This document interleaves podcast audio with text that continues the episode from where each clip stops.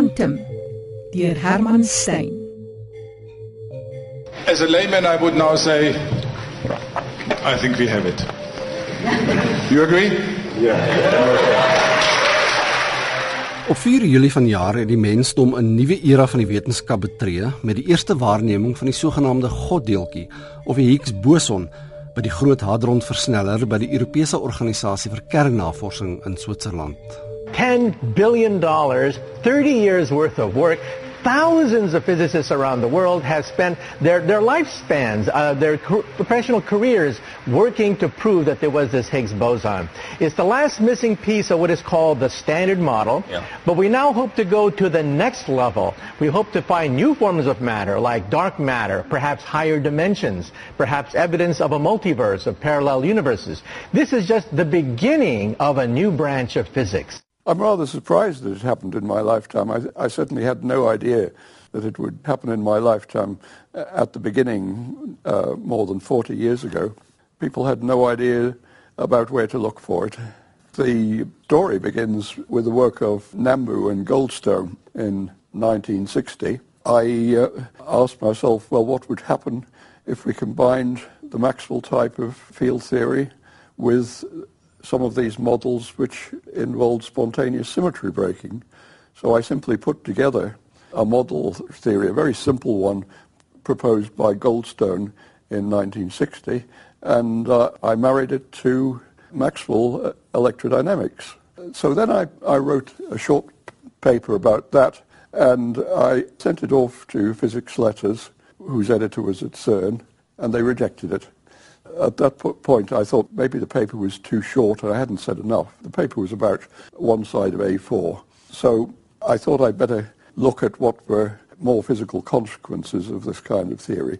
And I pointed out in an, a revised version that there would always, in this kind of theory, be some leftover spin zero particles which did have mass. And these are what became known as Higgs bosons. But there was nothing particularly new about that. It, it was just that I drew attention to them. Die teoretiese fisikus Peter Higgs. Sy teorie het die bestaan van die Higgs boson voorgestel. Volgens die teorie gee hierdie deeltjie massa aan die elementêre deeltjies waaruit alle materie bestaan. Die direkteur van die Nasionale Instituut vir Teoretiese Fisika op Stellenbosch, professor Frederik Skols. Kyk, die Higgs boson is belangrik vir die sogenaamde standaardmodel om te werk. Die standaardmodel is die model wat sê wat is die deeltjies waaruit alles opgebou word en dan ook wat is die deeltjies wat die kragte tussen al hierdie deeltjies veroorsaak.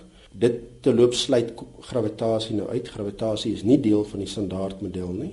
Maar een van die probleme wat nadat die standaardmodel neergeskryf het opgeduik het is dat die standaardmodel is gebaseer op baie sterk simmetrie. Die om die waarheid te sê die riglyn wat jou lei om 'n sekere teorie neer te skryf is simmetrie. Dit is dis baie diep gewortel in fisika te loop simmetrie. Dis ook die, die onderliggend aan Einstein se uh, spesiale en algemene relativiteitsteorie ensovoorts. So so simmetrie speel vir ons 'n geweldige groot rol. Maar wat mense toe agtergekom het is dat jy kan nie daai simmetrie behou en massas geen deeltjies nie. Dan dan voeter jy die goed op. En dit was 'n groot probleem want as jy nou weer die simmetrie breek dan loop jy weer aan ander probleme vas. En toe het mense besef maar jy kan hierdie sogenaamde Higgs boson invoer. En die ding gee vir jou 'n netjiese manier om die beste van beide wêrelde te kry. Jy kan massas geen deeltjies en jy hoef ook nie die simmetrie op te voeter nie of die simmetrie word op 'n ander manier verbreek as as 'n baie brutale manier wat die hele teorie ongesond maak. So dit is 'n redelike sleutelkomponent in hierdie hele uh, konstruksie van ons teorie van elementêre deeltjies en hulle wisselwerkings en dit dan uh, versoenbaar maak natuurlik met ons werklike waarnemings in terme van die massas van die deeltjies ensovoorts. Nou goed, en dit is nou maar wat gesien is by die of wat is glo gesien is by die by die LHC of dit werklik die Higgs boson is dink ek gaan nog 'n rukkie vat om om uitgesorteer te raak. Ek bedoel daarom praat die mense maar van die Higgs-like boson. Hy het al die eienskappe, dit lyk asof hy die regte kandidaat kan wees, maar dit kan wees dat hy imposter ook is en dit uiteindelik uitdraai dit is nie die ding wat ons soek nie. Of as ek sê dit mag uitraai dat die Higgs dalk iets meer ingewikkeld is as wat ons oorspronklik verwag het. Dalk is dit nie elementêre deeltjie, dalk is dit een of ander komposiete voorwerp wat ons daar het. So maar dit sal ons nou nog moet sien gebeur. Sê dit maar dit is hy. Beteken dit dat al die ander partikels geen massa het nie en dat net die Higgs boson hulle massa kan gee? Ja, op hierdie stadium is dit hoe die teorie werk is dat die die, die Higgs boson is die meganisme wat massa gee aan al die ander deeltjies. Ja, so die die uh, wisselwerking tussen die Higgs boson uh, met die ander deeltjies gee vir daai ander deeltjies massa wat is nie op 'n as ek sê wat is nie op 'n manier sou kon regkry wat die teorie baie ongesond sou maak want as ons die simmetrie gaan probeer uh, verbreek op 'n meer direkte manier om massa te gee dan loop ons in baie ander wiskundige inkonsistensies vas. So hierdie gee vir ons 'n baie elegante manier eintlik om by die probleem verby te kom Wel, party mense sal weer sê dis nie so elegant want jy nou nog 'n deeltjie ingevoer met nog 'n klomp parameters wat saam met hom gaan ensovoorts. So dis seker debatteerbaar of dit nou mooi is of nie mooi is nie, maar op hierdie stadium ehm um, lyk dit na die ehm um, aangewese meganisme om te doen. Alhoewel ek moet byvoeg dat daar is voorstelle al in die verlede gewees van um, meganisme hoe jy massa kan genereer ook wat nie van Higgs gebruik gemaak het nie. Ehm um, nou ja, maar as die natuur besluit het die Higgs is die Higgs en dit is die manier hoe dit gaan werk, dan is dit soos dit werk, dan is die ander goede van die tafel af. So ja. maar dit sal ons sekerlik in die volgende jaar of 2 uitsorteer. Die teoretiese fisikus Dr. Michio Kaku van die City College of New York het op CNN gepraat oor die belangrikheid van die Higgs boson. Realize that the Higgs boson takes us to the instant of creation itself and we can run the videotape before the Big Bang. We can talk about the universe before the creation of the universe itself. If our universe is a soap bubble of some sort and it's expanding, there could be other soap bubbles out there, other universes. And so this is where the next step beyond the Large Hadron Collider comes in. We're going to look for evidences of a pre-Big Bang universe, perhaps the existence of other universes. And then, of course, we have the question that everyone asks me, is Elvis Presley still alive in another parallel universe? Is he? Maybe. you can't rule it out. Come on, we're going there? Really? We're going into areas that, that take us before the instant of Genesis chapter 1, verse 1. We're talking about going before the beginning itself. I tell you, this is deep. This is really deep. It has philosophical, theological implications as we talk about a universe, a parallel universe, other universes out there coexisting with ours. And the Large Hadron Collider, this gigantic machine in Geneva, is the key to perhaps proving the existence of these other dimensions. Kwantummeganika is die wiskundige beskrywing van die wêreld van hierdie baie baie klein deeltjies met name soos kwark, boson, lepton, gluon, graviton, meson en hadron. En wat 'n vreemde wêreld is dit nie. Vergeet alles wat jy van die werking van die alledaagse weet. Op die kwantumvlak geld dieselfde reëls van Newton en Einstein glad nie. Hulle volg hulle eie reëls en kan in alledaagse terme as skizofrenies beskryf word. Die kwanta kan byvoorbeeld of deeltjies of golwe wees afhangend van hoe 'n mens na hulle kyk. En as jy weet waar hulle is, weet jy nie waarheen hulle op pad is nie en omgekeerd.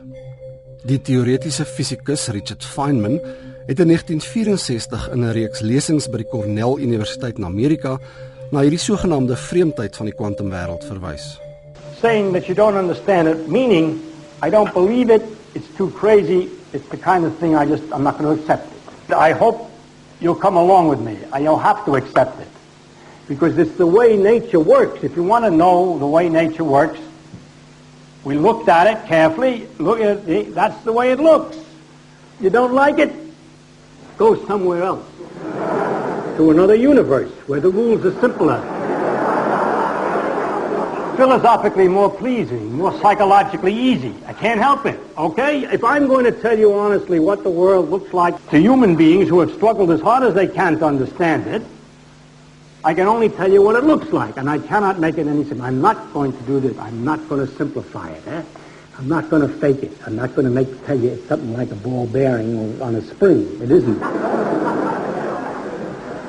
so I'm going to tell you what it really is like, and if you don't like it, that's too bad, okay?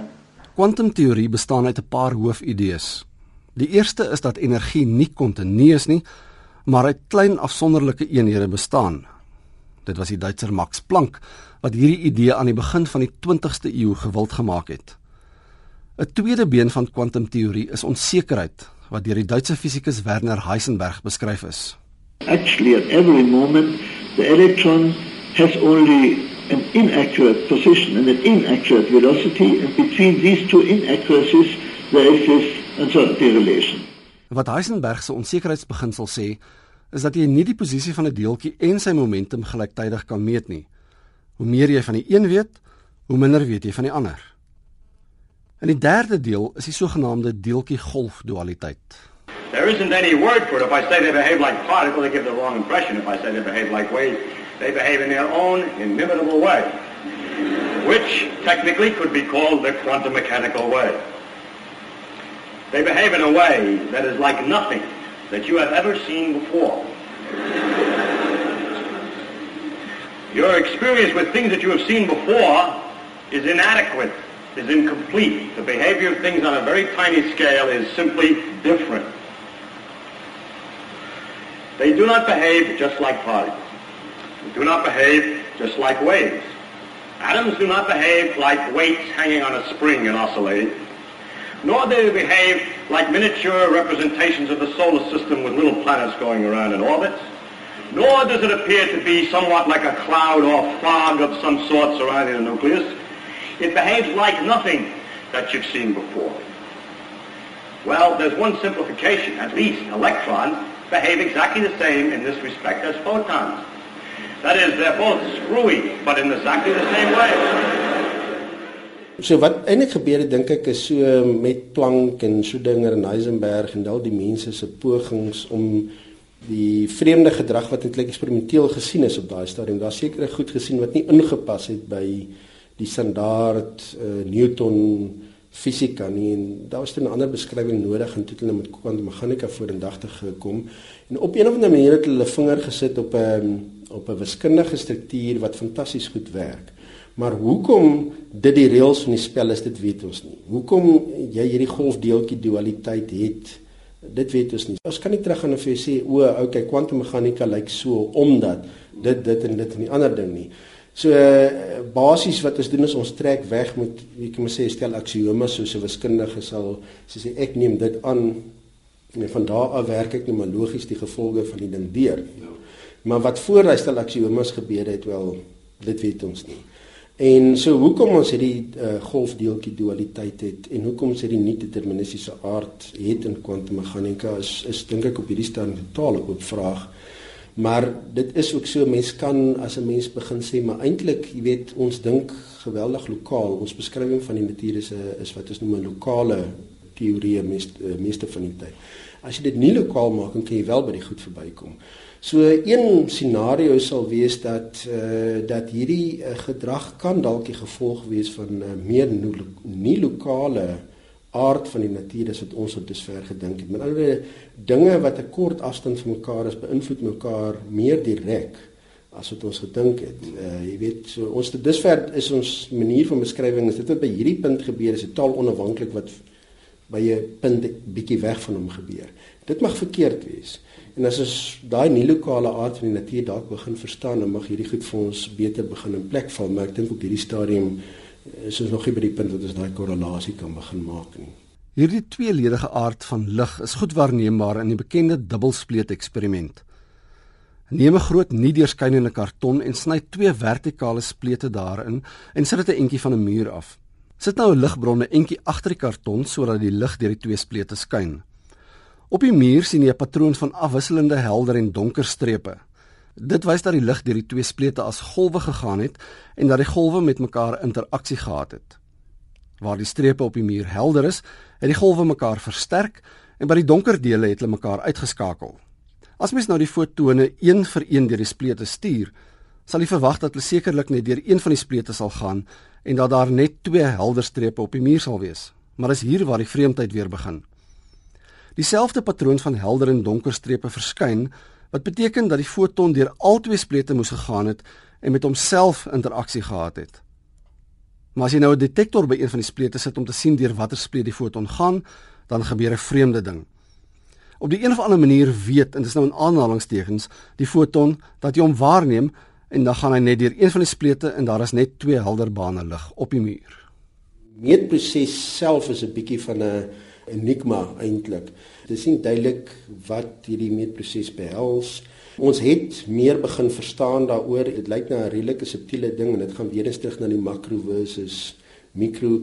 As jy nou 'n kwantumstelsel vat en jy koppel hom aan 'n groot makroskopiese stelsel, dan is daar 'n ding wat ons noem die koherensie. So in 'n sekere sin verloor daai kwantumstelsel baie gou as hy kwantumaard en begin hy klassiek raak. Maar ek dink uh, nie dat ons op hierdie stadium werklik daai proses baie goed verstaan en die rol van die waarnemer verstaan nie.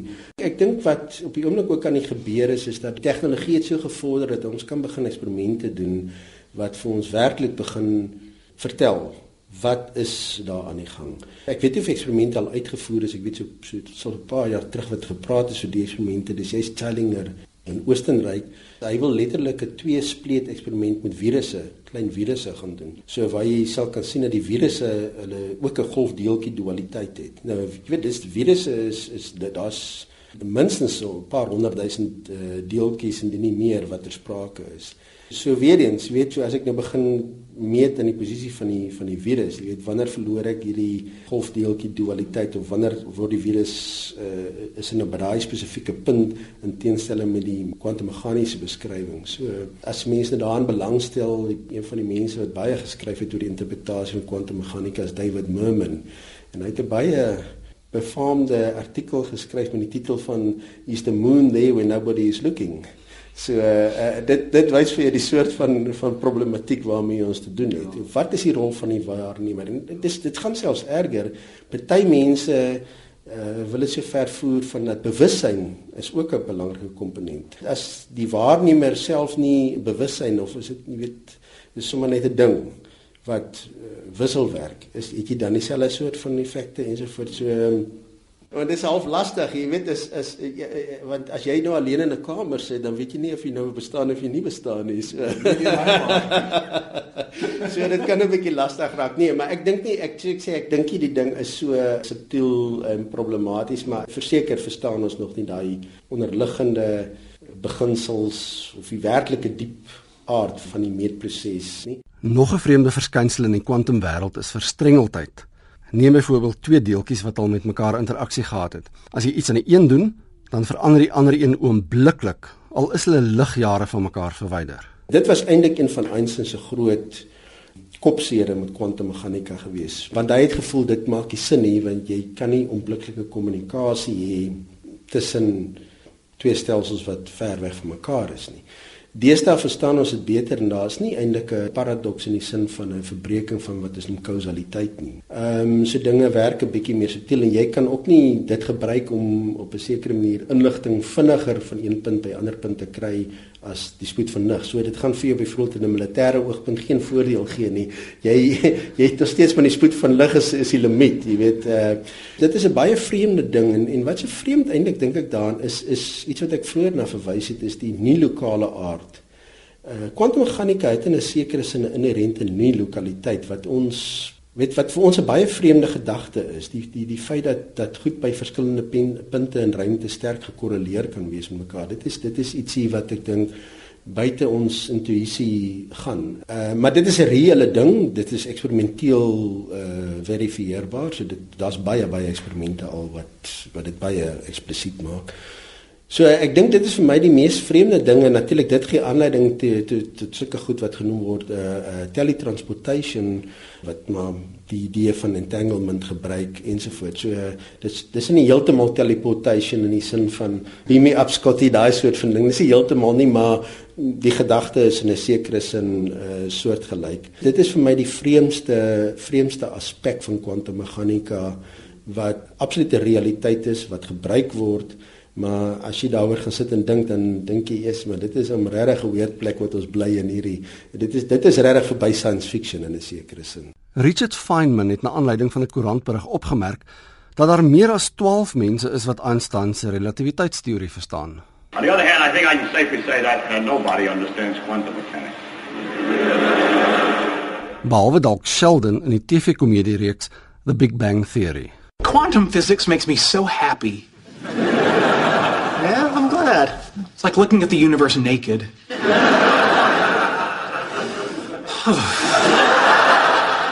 Kwantummeganika mag vir baie mense Grieks wees, maar sonder dat jy dit weet, het dit 'n groot invloed op jou lewe. Van hoe die retina in jou oog fotone absorbeer tot die tegnologie wat jy elke dag gebruik. Professor Christian Milonedebok van Maties. As mense radio aanskakel en 'n transistor gebruik, is daar uh, baie oënskynlike gebruik van die kwantummeganika. Die ander ding is biologiese stelsels gebruik die kwantummeganika as ons na buite kyk is daar groen blare en die fotosintese gebruik kwantummeganiese prosesse om die energie wat in 'n ligdeeltjie in 'n foton bevat word om te sit in die tipe chemiese energie wat 'n plant kan gebruik om om te groei en so voort. Eintlik is daar in die afgelope jare 'n groot hoeveelheid navorsing gedoen veral oor fotosintese waar die kwantummeganika blykbaar heel dieper lê as net normale chemiese verbindings wat mense in die kwantummeganika verstaan, maar waar daar wel ook aanduidings is van koherente verskynsels. Daar word nog baie op hierdie gebied navorsing gedoen, maar daar is nou werklik sterk aanduidings daarvan dat die kwantummeganika op hierdie baie alledaagse manier 'n fundamentele rol speel in hoe effisiënt die energieomsettingsproses gebeur. Op 'n ander manier as 'n mens kyk na die proteïene wat in ons retinas is, word daar ook lig omgesit uiteindelik as 'n tipe CNI impuls, maar as gedeel van die prosesse daarvan moet die mens ook die kwantummeganika van die hele ligomsettingsproses weer eens verstaan wat deesdae deur grootskaalse numeriese simulasies ook gedoen word. Daar is deesdae ook vra of miskien die magnetiese sin wat voels het 'n kwantumverskynsel kan wees. So ek dink die natuur het waarskynlik al in die biologiese stelsels wat ons sien kwantummeganika begin gebruik om prosesse te optimeer. Ons begin opvang in ons eie elektroniese stelsels ensovoorts. Jy weet dat in die toekoms waarna ons kyk is sogenaamde kwantumrekenaars wat baie baie vinniger en meer effektief sal wees as ons dit goed kan bou natuurlik as as jou konvensionele rekenaars baie meer kragtig gaan wees. So ek dink kwantummeganika gaan ehm um, al dit is al reeds maar dit gaan al hoe meer ook 'n integrale deel van ons van ons alledaagse lewe word net soos elektromagnetisme maar is. Dit gaan 150 jaar terug na Maxwell, maar ons gebruik dit elke elke keer as jy jou skakelaartjie druk gebruik jy eintlik maar die Maxwell vergelykings. En ek dink kwantummeganika gaan later op dieselfde vlak kom. En net so interessantheidshalwe dieselfde gaan vir Einstein se realiteitsteorie. Jy weet, mense het aanvanklik gedink ag, weet jy, dis dis net maar pie in the sky, dis die die ouens het nou regtig interessante goedjies hier en daar wil doen vir hulle is dit belangrik maar vir vir my my alledaagse lewe is nie belangrik nie. En dit is ook deesdae nie meer so nie. As jy jou GPS aanskakel dan gebruik jy algemene realiteitsteorie want die sinkronisasie van daardie dosies in die satelliete met wat op die aarde aangaan is absoluut uh, essensieel as jy 'n hoë akkuraatheid wil kry. So al hierdie goed word later 'n integrale deel van ons tegnologie. Dit vat dalk baie lank, jy weet, en uh kyk kwantummeganika is nou al meer as 100 jaar oud. Maar en maar dit begin nou eers, begin ons by die punt kom wat ons tegnologie werklik op so mikroskopiese vlak begin doen dat die dat die wette van kwantummeganika vir ons begin relevant raak. En hoe verder ons dit dryf, hoe meer sal kwantummeganika sy impak begin maak. As ek sê as jy nou as jy nou gaan rugby speel of cricket speel, dan gaan kwantummeganika nie belangrik wees nie. En dis ook maar goed so want ek weet nie of as die cricket se gewen het as kwantummeganika se gewerk het dan nie. maar so ons sal ek moet sê in ons breë alledaagse lewe en wat ons doen natuurlik, daar is die wette van kwantummeganika nie nie relevant nie. Nou gaan ons met die gewone klassieke fisika om. Maar versteek agter baie goed wat ons gebruik. Is kwantummeganika daar en doen hy sy ding en ons is net nie bewus weer eens daarvan nie. Maar sonder daai kwantummeganika en 'n goeie verstaan van daai kwantummeganika sou baie goed net eenvoudig nie moontlik gewees het vir ons um, tegnologies nie en ek dink dit is wat 'n mens moet verstaan omtrent hierdie werk wat wat gedoen word in 'n teoretiese fisika omgewing byvoorbeeld jy weet ons is besig om raamwerke te staan maak soos mense 100 jaar terug gedoen het met elektromagnetisme, met kwantummeganika, met relativiteitsteorie. Dis raamwerke wat absoluut essensieel is vir ons om te verstaan waarom lyk die wêreld soos hy lyk wat hier om ons gebeur en hoe korreleer goed mekaar. Jy weet as ek dit doen, hoekom gebeur dit? En as ons dit goed nou regtig goed verstaan, dan kan ons begin om die omgewing te manipuleer. Maar dis nou maar waar mense moet dan dink aan die volhoubaarheid van hierdie goed. Jy weet, eh, ons moet die volgende geslagte in 'n posisie plaas om hulle omgewings optimaal te bestuur en dit gaan al hoe meer krities natuurlik vir ons raak om dit te doen. Woorde soos atoom, kern, neutron, elektron en selfs quantum leap is al deel van ons alledaagse woordeskat. En filosowe en kunstenaars is deesdae ook deel van die kwantumdebat.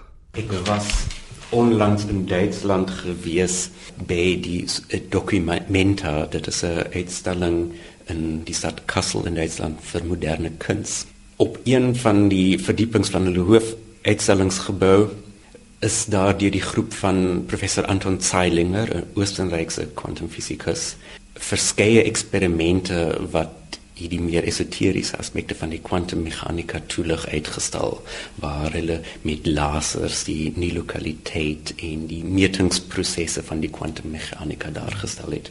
Ek dink dit is net interessant dat mense sien hoe hierdie kwantummeganika nou ook deel vorm van 'n baie groot uh, kulturele event en waar uh, fisici en fisika studente vir die algemene publiek aan die hand van die eksperimente wat hulle daarso opgebou het, verduidelik hoe die kwantummeganika werk en hoe ons beeld van die realiteit en waarnemings deur die kwantummeganika toegelig word. Dit was dan 'n vinnige reis deur die wonderlike vreemde wêreld van die kwantum.